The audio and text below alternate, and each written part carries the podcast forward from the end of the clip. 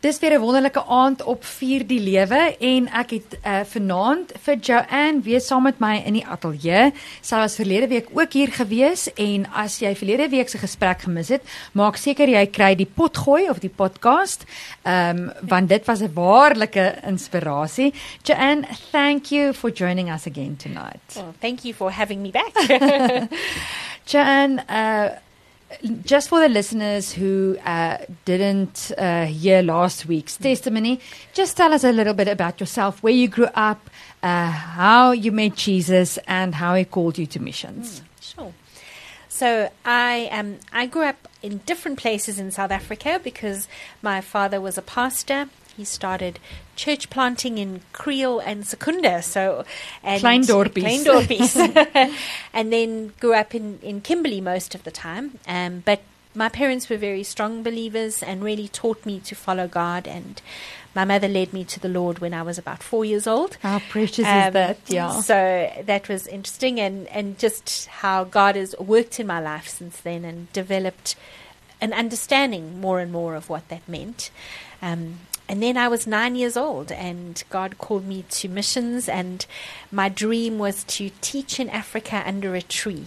um, I think I, I, read too many books about African uh, uh, about missionaries going to Africa or from Africa. Um, yeah, and then in 2009, he very, very clearly showed me that it was time to step out of teaching and that the call that he'd placed on my life when sure. I was young and he'd prepared me through through my life sure. to go the time had come and it is so special i remember last week you mentioned that most um, calls to missions or to Christ happens in a child's life between 9 and 14 or what yes they call it the 4 to 14 window oh. they say most most people come to faith during yeah. that time, and most long term missionaries were called during sure. that stage of their lives. That is so special, and that that helps us to remember that when we have the chance to minister to children, yeah.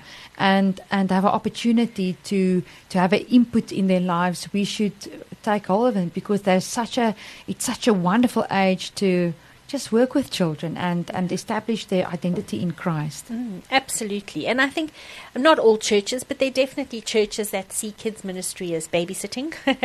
but how important is it if children are coming to faith and being called to go and serve Jesus um, around the world. It's yeah. so important. Uh, Joanne, last week uh, we spoke about your time in Sudan and what a wonderful testimony. And then you were kicked out of the country. Yes. Uh, and not you, not only you, but so many other, other people with you. What happened after that? Okay. Well, as I mentioned to you, I was given 48 hours, packed up, and, and I was out of the country. So I came back to South Africa and my church and my family and OM really looked after me here. I know um, I found out years later that my church in East London, my sending church, was in direct contact with OM and asking them, How do we love Joanne well? How do we look after wow. her? And that was very precious, and they did a great job of it. Mm. But OM was really special. Um, they knew that our team had been through a, a very traumatic time and once the entire team was out of the country. So some were kicked out after me. Um, there was one man who'd been in prison for over a month. Once he'd been released and everyone was out of the country, um, they flew us all to a centre in Wales and they brought in counselors and debriefers and people who are experts in in helping people who have gone through this type of trauma and we had such a special time. So it wasn't only the team, it was also people who'd been involved in um, advocacy to get this man out of prison, or um, partners or field leaders. Mm. And we had times on our own, times just with the team, times putting the the um, kind of the, the stories and the dates yes. of how the events had happened together. And so, actually, I think we spent about 10 days there, just being wow. really well debriefed and looked after. Um, tell me, for, for our listeners who, who don't know that term of debriefing, what does it, what does it um, practically mean? So, it really is.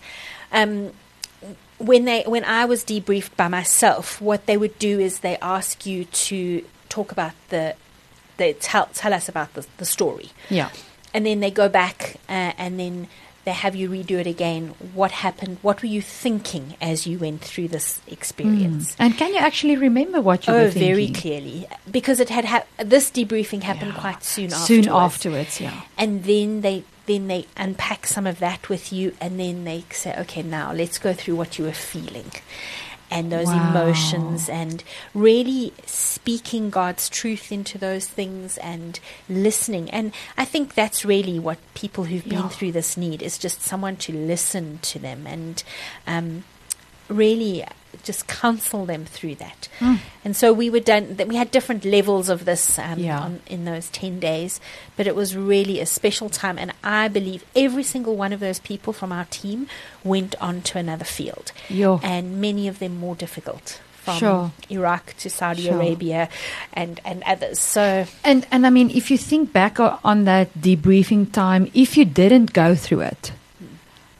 what would the effect in your life have been? I mean, because you you needed to actually talk about that and get Yeah. that trauma out of your system.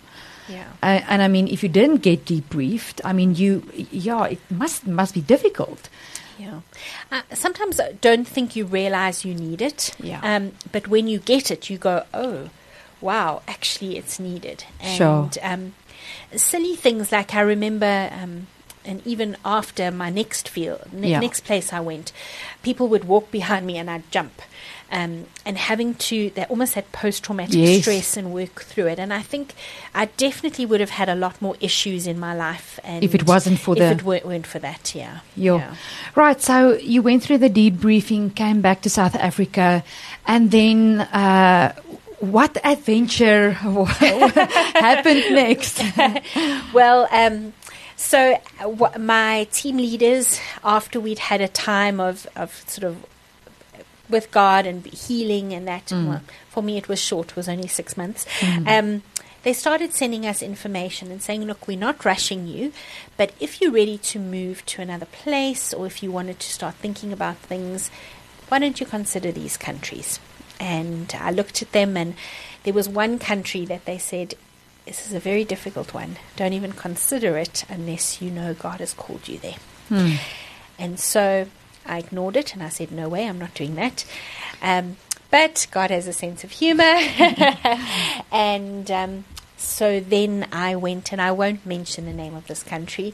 I went to another North African country, but this time I went in a role of a teacher. I'm a high school maths teacher, and so I went and worked in a school there. and did you go alone, or were you part of a team? I was part of a team, Right. and there were a group of us, and a lot of people working in that type of country. Mm. It doesn't matter what organization you're with, what church you come from, you, you work together, and it's Right. great camaraderie and Yes. togetherness there. And how does it work practically uh, when you go as as a, a teacher and do, if you're um, living uh, waar bly jy? Yeah. I mean, how does it work? How do you get a house or? Yeah, just just for us listening to you, how does it work Mm-hmm. practically when you go to another country? Well, I mean, you go, you apply for the job through the school website. Yeah. So they then interview you, hire you, give you an offer. They organize your visa for you. They organize your Ah, accommodation. right. Not all schools. Um, if you, you know, you get little little private schools, Mm. but this was quite a big school. Um, what I loved about it, although it had historically been an American school, because of the problems in this country, 90% of the um, students and teachers were actually from that country or Wow. neighboring Oh, countries. okay. So it wasn't like I was going to another North African country to teach in an American school. Mm. It wasn't like that at all. Sure. And you gave what was your subject? Maths. Ah, Yeah. And um, in in all that time, uh, did you uh, um, was it vir jou vervullend? Was it vir, Ah. did you enjoy it? absolutely. I I was there for six years, and I absolutely loved it. Um, And, and yeah. the fact that you could speak Arabic, did that help, or did they do they speak another language? They also speak Arabic. It was a different dialect, Ah. which was a bit challenging. But I remember when mothers used to come and speak to me about their children, and they'd worry because they couldn't speak English. A lot of the fathers can speak English, but it's very conservative, so the mothers didn't.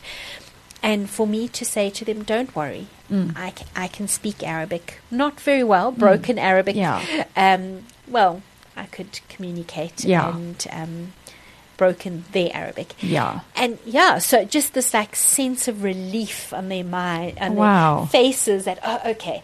So in that sense, and it just made life living life, shopping, um, just connecting with people. My local friends that I loved dearly felt comfortable enough taking me to their family homes in Wow, the, in that the is rural special. areas because Sure. at least the grandmother who didn't speak a word of English we could speak and so Yeah. we didn't have to con- we didn't have to change to English when I was with them because I could just be part of that. Wow, So, uh, what a privilege! Yeah. And but I'm thinking now. So when you taught uh, maths, you taught it in English yes, it was because English if it school. must be in, in Arabic, I mean, I cannot even imagine. no, no.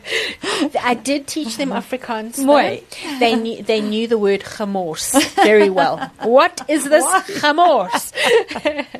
and they can say it because in Arabic they've got the g sound. That's yeah. right. Yeah. So you were there about six years. Yes, yes. Tell us about your experiences, um, where maybe challenges as well as where you could see the Lord's hand. Yeah, it was just wonderful. Um, look, challenge wise, it's a country at war. Uh, so militias fighting for oil, oil reserves. Um, I, I remember the first, within the first month of me being there, in the middle of the night, there was explosions, gunfire, bombs going off. And I woke up in the middle of the night and I, I was like, okay, w- very logical. Yeah. Where should I sit so that the it, if it comes through the window, it doesn't hit me? And I went into logic mode, not fear, logic. So I said, okay, if I sit on this side of the bed, it will Yeah. protect me. Silly, but and I sat there the whole night. The next morning, the I got a lift to school with with the principal, and I was like, "Well, is school cancelled for the day?" Yeah. She said, "Why was it? Would it be cancelled?" I said, "But there's fighting outside." Mm. No, those were just two local militias fighting each other. Oh, they were used to that. Yeah, and it's just it become and it does. Um, the children will say there's a word "adi adi," which is Yeah. uh, it's normal. It's normal. So. I had 14 year olds telling me they'd hear gunfire and tell you what type of gun it was that was shooting.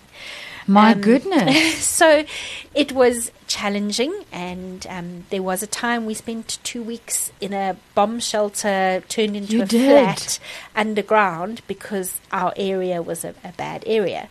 Um, Wow. so, but you know, even in that, um, many foreigners left. Um, a lot of embassies pulled their people out. Um, but the fact that some of us stayed, certain of us, special people stayed, um, then we became like them because we had the choice to leave and we chose not to. Sure. So what amazing! We we weren't outsiders anymore. We were part of them. Um, so when we were in the bunker, um, those from areas, local friends who were from areas that not fighting, Yeah. would send us airtime. They'd send us communication. They looked after us. Sure. Um, and so it was just a, it was even through that. And so it was this uh, weird contrast of absolute horror going on in the country Yeah. and fighting and bombs and, um, and then these people that just were, I just loved them dearly. My students Sure. were precious to me. I mean, I remember at night crying and crying before the Lord and going, Lord, please open their eyes, save them, because they came so I get quite emotional about Mm. Oh. it. They they became so special to me. Of they were wow. They were your yeah, family. They were, and um, my mother actually came to visit. Um, and in my last year there, and she came to visit me, and I had to go to the neighboring country to meet her because it was Oh. it's quite scary flying into this country. Ah, So. I would fly in with Right, her yeah. to help her. I had two local friend, a local friend Yes. who was a divorcee, so she couldn't travel alone. So her and her mother said, "No, you can't travel by yourself. We will come with you." Really? And bought flight tickets, paid for a hotel, uh, came with me to meet my mom so that she would feel comfortable flying into the country. Yeah. That country spoilt my mother no end. She felt like a queen. And and I just want to ask those friends now, the di- divorcee Mm. Yeah. and her mom, Yeah. were they um, of a different? Yes, Faith. they were of the local faith, quite devout, and actually, that's I will share why we Yeah, connected. yeah. But I'll come Uh, so to that. no, it's just interesting that as you were becoming like a local, that they they felt. Uh, uh, safe enough that they felt to connect with you and help you. It, it's uh, it's so precious. Yeah, absolutely. And my mother had, was spoilt, and when she left, she said to me, Joanne, I was very scared for you living in this country. Um, and because she Mm. Yeah, knew the course. stories and things, she said, I'm not scared anymore because I know those people will die for you. Yeah, And that is um, something. that was a huge answer, answer to prayer Yeah. because I really prayed that my mother would feel comfortable with me being there. Of course, Yeah. nee? And- A, a, a mom is always I so, uh, you know, concerned for her children. Yeah. So, wow. Absolutely. So, Um, tell me, how did you get to know those two ladies? okay, there we go. Back to that story. Um, so, uh, one of the teachers at the school said to me, a local, um, said to me that um, she was starting a book club oh, nice. for people who had either lived in English speaking countries or could speak English well Ah. so that they could read books. Would I like to come? And so I met a group of ladies who this particular friend had grown up in Ireland um, because the North African country had a connection with Ah. Ireland. And so she'd grown up there and loved reading. And so each of the ladies in the group could speak English, and that became my friendship circle. Sure. And we met every Saturday, and we each chose different books to read. And I remember very clearly the first book we read, I was a bit worried mm. about mm. because it was The Alchemist Okay. which is a very new age book, and I mm. wasn't very keen to to Yeah. read that. I know. Um, and and so, but I did, and I remember having this conversation. I'd known them for two weeks, maybe, and I remember that was my opportunity to express what I believed right at the beginning. Sure. To say to them, I don't believe that everything happens because the universe chooses Mm. to make it happen. I believe that God is in control. Yeah. And did you have the, was it safe enough to actually Yeah. express your faith? Yes. At that stage, I didn't talk about Jesus. Ah, I just oh, spoke about God. God. Um, but you can talk about what you believe. As long as you're not seen as pushing, Ah, this is what Oh. I believe. I'm not trying to convince you. This is what I believe. Um, and immediately, my most conservative lady in the group connected with me because in their religion, they would have believed the same thing Ah. that God is in control, Yes. not just the universe. Yes. And that is that friend. Oh, and, and that beautiful. connected us, just that sentence. And I had the opportunity multiple times through the books that we read to share the gospel, Mm. not being pushy, but saying, but this is what I believe. Um, the book I chose was I, had I prayed about it and I Yeah. thought, what I actually w- I used the five love languages, so it's a Ah, yeah, it's not a yeah. a pushy but it Yeah. was really lovely about how we can love each other, and they oh they loved it. How Yeah. special is that? So, Yeah. uh, you know what? Um, last week you mentioned how God um, provides for us even in our friendships there Yeah. in another country. And how, I mean, to be part of a book club and being asked to join, uh, that is that is uh, really something, you know. But tell me. Um, have you experienced also um, that your life were in danger there at any time, or um, wasn't it as hectic as uh, when you were in Sudan? It was hectic in a different way. Um, so we we were in physical danger at some times. Um, so I never felt that anyone was out to get me. It was I could be caught in the crossfire of people fighting. I hear you. Okay. Um, so at, for most of the time, yeah. the people I worried about the most were the local believers. Because, and, and this is why it's so hard Sure. to know what to pray. And I'm a firm believer in praying scripture. Yes. Because, Lord, please will you stop the fighting in the country? As soon as the fighting stopped, those militias would start hunting Christ- the local Christians to persecute them Mm. because they had nothing else to do. But so when the fighting was happening, the local Christians had freedom, Sure. but then people were dying without Jesus. So what do you pray, Lord? Keep the fighting so that the Christians can, uh, Yeah, local be fine. believers are fine, or do you say, Lord? Let's. So that's why you just say, Lord, you've said, Yeah. your kingdom come. Let your kingdom come in this Amen. place. And um, yeah, so um, we had one experience uh, very soon after I got there. Mm. I had the incredible privilege of meeting two local believers. You'd never meet them because they're very Undercover. undercover and there are very few of them. Sure. So I we went to local ruins, some Yeah. Roman ruins, and met them there. And we walked around, the two of them and a few of us um, Yeah. believers. We walked with them and we shared things like um, the fact that their country is also mentioned in the Bible, and we read those passages, and it just made them feel as part of the body of Christ. And as being seen, that they're not just somewhere, you Yeah. know. And we had the whole day together, and we had a day long church basically walking around the ruins with these two young guys who'd come to faith because of the OM ship that came. And so it was just incredible. But about a year after that, Yeah. these two guys disappeared. Mm. We didn't know what had happened to them. I was actually back in on furlough Yeah. in South Africa. We didn't know what had happened to them, and they they just disappeared. And we then, for months, prayed and prayed and prayed, and we heard Hmm. nothing. And eventually, we heard that they had been picked up by the secret police. There's an online church Mm. with the people from outside that country who right. had to flee because they're Christians. Sure. So there's an online church, and he, one of them had met a young lady on that, but she was a spy. And she actually reported them. So they'd been taken in and persecuted and um, kept in prison, and horrible things happened to them.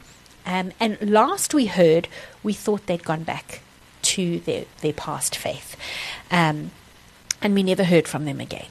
Mm. And then, probably three years later, in the neighboring country, some missionaries met a young man from this country who spoke about his city where he lives, where he meets with two others to pray Wow. and spend time together. And of course, we don't know their names, Yeah. we don't use Yeah. their names. But from the story that he told, You could- we knew exactly who the two were, Oh, and what an answer to prayer. Um, but that's one story. There, there are many, many stories of believers. One young girl, um, she she came to faith and told her mother, and her mother then called her very religious brothers to beat her up Yeah. and forced her to to get married to a much older man. And she said okay i will get i will marry him but she got a message. If you can get to the neighboring hmm. country hmm. someone will help you. And she said to her her family no i need to go to the neighboring country for medical help. And she was in the hospital and her brother was standing guard but smoking outside the window and the mother was getting coffee and she saw that as her moment and she stood up and she ran What? and she tells her story. She's hilarious. She talks about how she's in her hospital gown, hiding behind bushes, managed to get to a phone and call the number. And now she has asylum in in in a, another, Another country. cou- country. But she is on fire for the Lord. She's Yeah. involved in trans- helping with translating for the Yeah. Jesus film to go into that language. They um they they released the first ever worship CD. All these believers out of the country in their local dialect. Um, and you know, you speak to her and you meet her, and she's just so on fire for Jesus. Her biggest dream, the only thing that she wants in all the world, Yeah. is to go back to tell her brothers about Jesus. Yeah, the brothers who beat her up. Yeah, broke her collarbone actually. You know what? That is that is something that just only the Lord can do. Is in the midst of so much persecution, mm-hmm.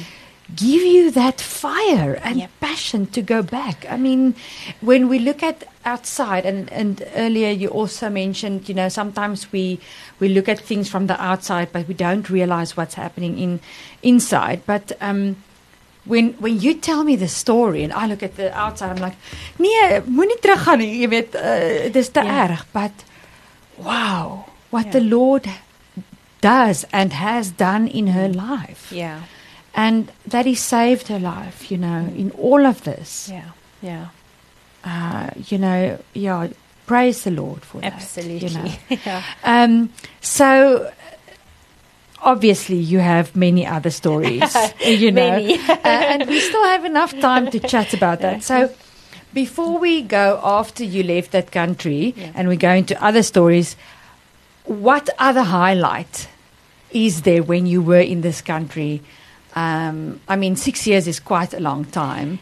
Uh, yeah, Yeah. something that comes to mind that you would like to share with us. Well, I had many opportunities to share my faith. Uh, no one that I know of has accepted to follow Jesus, but I'm still praying for them. And I just want to make it clear, and I hope it comes out in what I'm saying. Even though they're not of our faith, I loved, loved, still love these people so much. They were family. I was very close to them. Um, and I cry before the Lord to ask Him to save them. But one of my friends said to me, she said, Joanne, I completely believe what you're saying. I know that Jesus is the way. I accept everything that you say is right, but I cannot do that to my family. Sure. And so Sure. she chose family. Um, I'm still praying that she won't, but um, yeah, but there were lots of moments where um, I, the story I think I'm going to share is I was actually uh, we take our grade 12 students, they write an international exam, so we take them out of the country. Oh. um, to, and we went to a country where there it's a Catholic country, um, with lots of churches and all sorts of things, and it's it's beautiful. These beautiful churches, and um, so while you know, so they're Catholic and Protestant churches, but because it's Catholic, it's so beautiful. Um, and the kids had never seen so many churches and beautiful things and been inside a church and Sure. so they they would, would come and go, Miss Davy. I went into one of the churches. Don't tell anyone. um, and so here, because generally I didn't share much with the younger students, I I want to respect their parents. So if ever one of the younger students asked me a question about my faith, I would always say. Ask your mother if I can, or ask your father if I can answer that. Yeah. Or if I knew the parents, I said, "Wait, when we'll I'll answer that in front of your parents." Ah. Um, because I want the parents to hear as well. Yes. But also, I want the parents to trust me. Mm. But with these ones, they were 18, we were out of the country, and they were fascinated. So they would ask me on a Sunday, I'd say, I can't help you with your maths, I'm going to church. So they'd come and go, What church do you go to? What's the difference between Catholic and the one you went to? And, mm. and what about this name church or that name? Mm, so they, they, they really picked on different denominations. They were curious about it. And one day, and I, I um, never say anything negative about their Yeah. religion. Yes. Um, and something that someone taught me that I think is the best piece of advice is if you and I are eating an ice cream, and you eating a vanilla one and I'm eating a chocolate one, by me saying to you, "Ooh, that co- doesn't look nice. It looks all white in color, and Um, I don't think it's nice." It's not going to stop you from eating it. Yeah. But if I say to you, yo, this ice cream that I am eating is delicious and it's creamy and sweet and it, it's chocolatey and fa- you're going to want Mm. Yeah, to yeah, taste my ice cream. course. And really, that's Ah. the principle that I live by that you never, never, ever knock some other Hmm. religion because, you know, th- that's important to them. But sharing what I believe and how wonderful my relationship with the Lord is and how I um, spend time with God. And I got an opportunity to do that with some of the students in Malta because they ask me how I live my Christian faith and what I do. Um, and funny enough, God placed on my heart to share about the fruit of the Spirit and saying, anyone who says that they're a follower of God, these are the characteristics that we should be showing. Yeah. And I, I walked through them and I said, Are the important people in your life showing these characteristics? Do they love? Do they have patience? Are they kind? Think about the important people. Think about the religious leaders Yeah. in your life because anyone in your life that says they're following God should be showing these Hmm. things. They all started to think. and and one of them said to me, Miss Davy, you'd make a very good person of our faith. so it's not quite what I was looking for. But God Yeah. gave me opportunities Yeah. just to speak into their lives. And there was something about their holy book that they asked me, and I gave an answer that they disagreed with. And I said, Well, that's what I believe. And they actually picked up the, in- the internet and they looked for this information that I'd given about their book that they didn't know. Mm. They often don't know their own religion. And they discovered it. And it went against everything that they'd been told. And it was Wow. on, and it was on a, a website from their religion. And they were like, "Wow, we didn't know that," and um, and they just were sh- they were shocked, and they, they went away thinking. And I Yeah. think that's my my That's the thing. is most important thing, Get yeah, them thinking, thinking. yeah.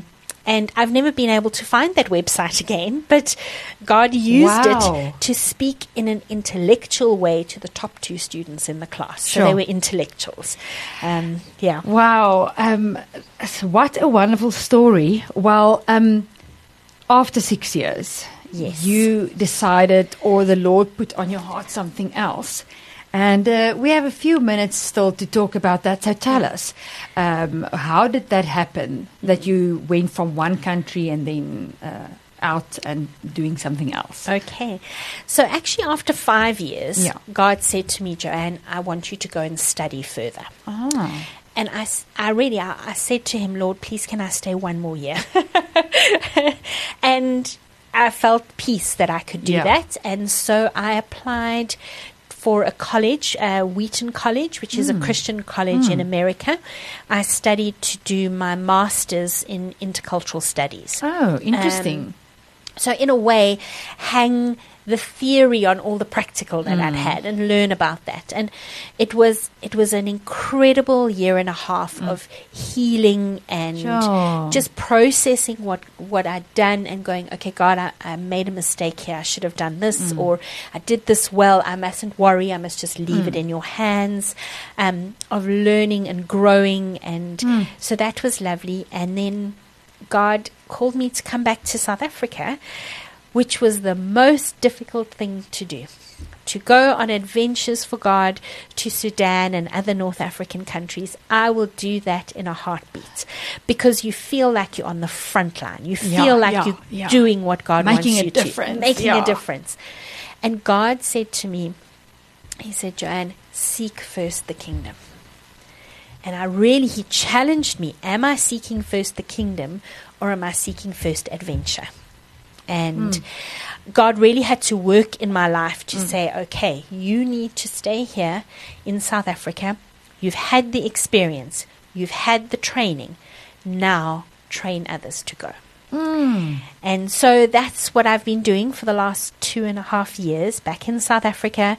Um, Are you back with the organization? I work with OM um, and I train um, primarily people in the organization Yeah. um, and I help with onboarding training. Oh. So we train on um, how to do evangelism, how to do discipleship, how to do community development in a really good way. You know what? That is so wonderful because, I mean, for a new person going to a missions organization, I mean, you are all, you know, uh, bright eyed, bushy tailed, and you think you're going to change the world. But it's so good to get practical training of what works in the field and what doesn't. Yes. And obviously, it's not the same in every country, but it's so good to actually be able to go and have these tools in your pocket. What you can actually do there, you know, um, because obviously, uh, uh, learning a language is one thing, but there's more to do in a country than just that. yes. And um, it's good if you can make a practical difference as well. I'm thinking now what you say about a community um, situation or a place where you can do life skills and things like that, you know. Yeah. And we also we also see, although we're training missionaries either going onto the field or who are presently doing mission work here, we also offer the same trainings to churches and people because it's not only missionaries that need to learn how You're to share their faith. You're right. Community development doesn't only happen in other countries, it's right here. And we can do so much harm if we do it wrong. And Hmm. so all our trainings are primarily for our missionaries, but then everybody has the opportunity of coming and learning these things if they want to. Yeah. So, um, is it then? I mean, can you go onto OM's website and look what's uh, what courses are being presented? Or Yes, yes. Okay. I think it's www.om.org, I think. Ah, yeah. And then you just look at the training tab and we put it up. So we have coaching courses, we have community development, we have a very fun one called Missions Mobilizing Training. It gives you tools to go back to your church and mobilize the church for missions. Fantastic. Um, so we will give you good food from different countries, giving you give you some crazy experiences, teach you how to lead a kids prayer program, how to pray for countries. Um, Yeah. yeah, so that's that's a fun one. We love that. Oh, wow. So, um, Joanne, with our last few minutes left, um, I know you mentioned that there's some trips that you are going on in the next week or two.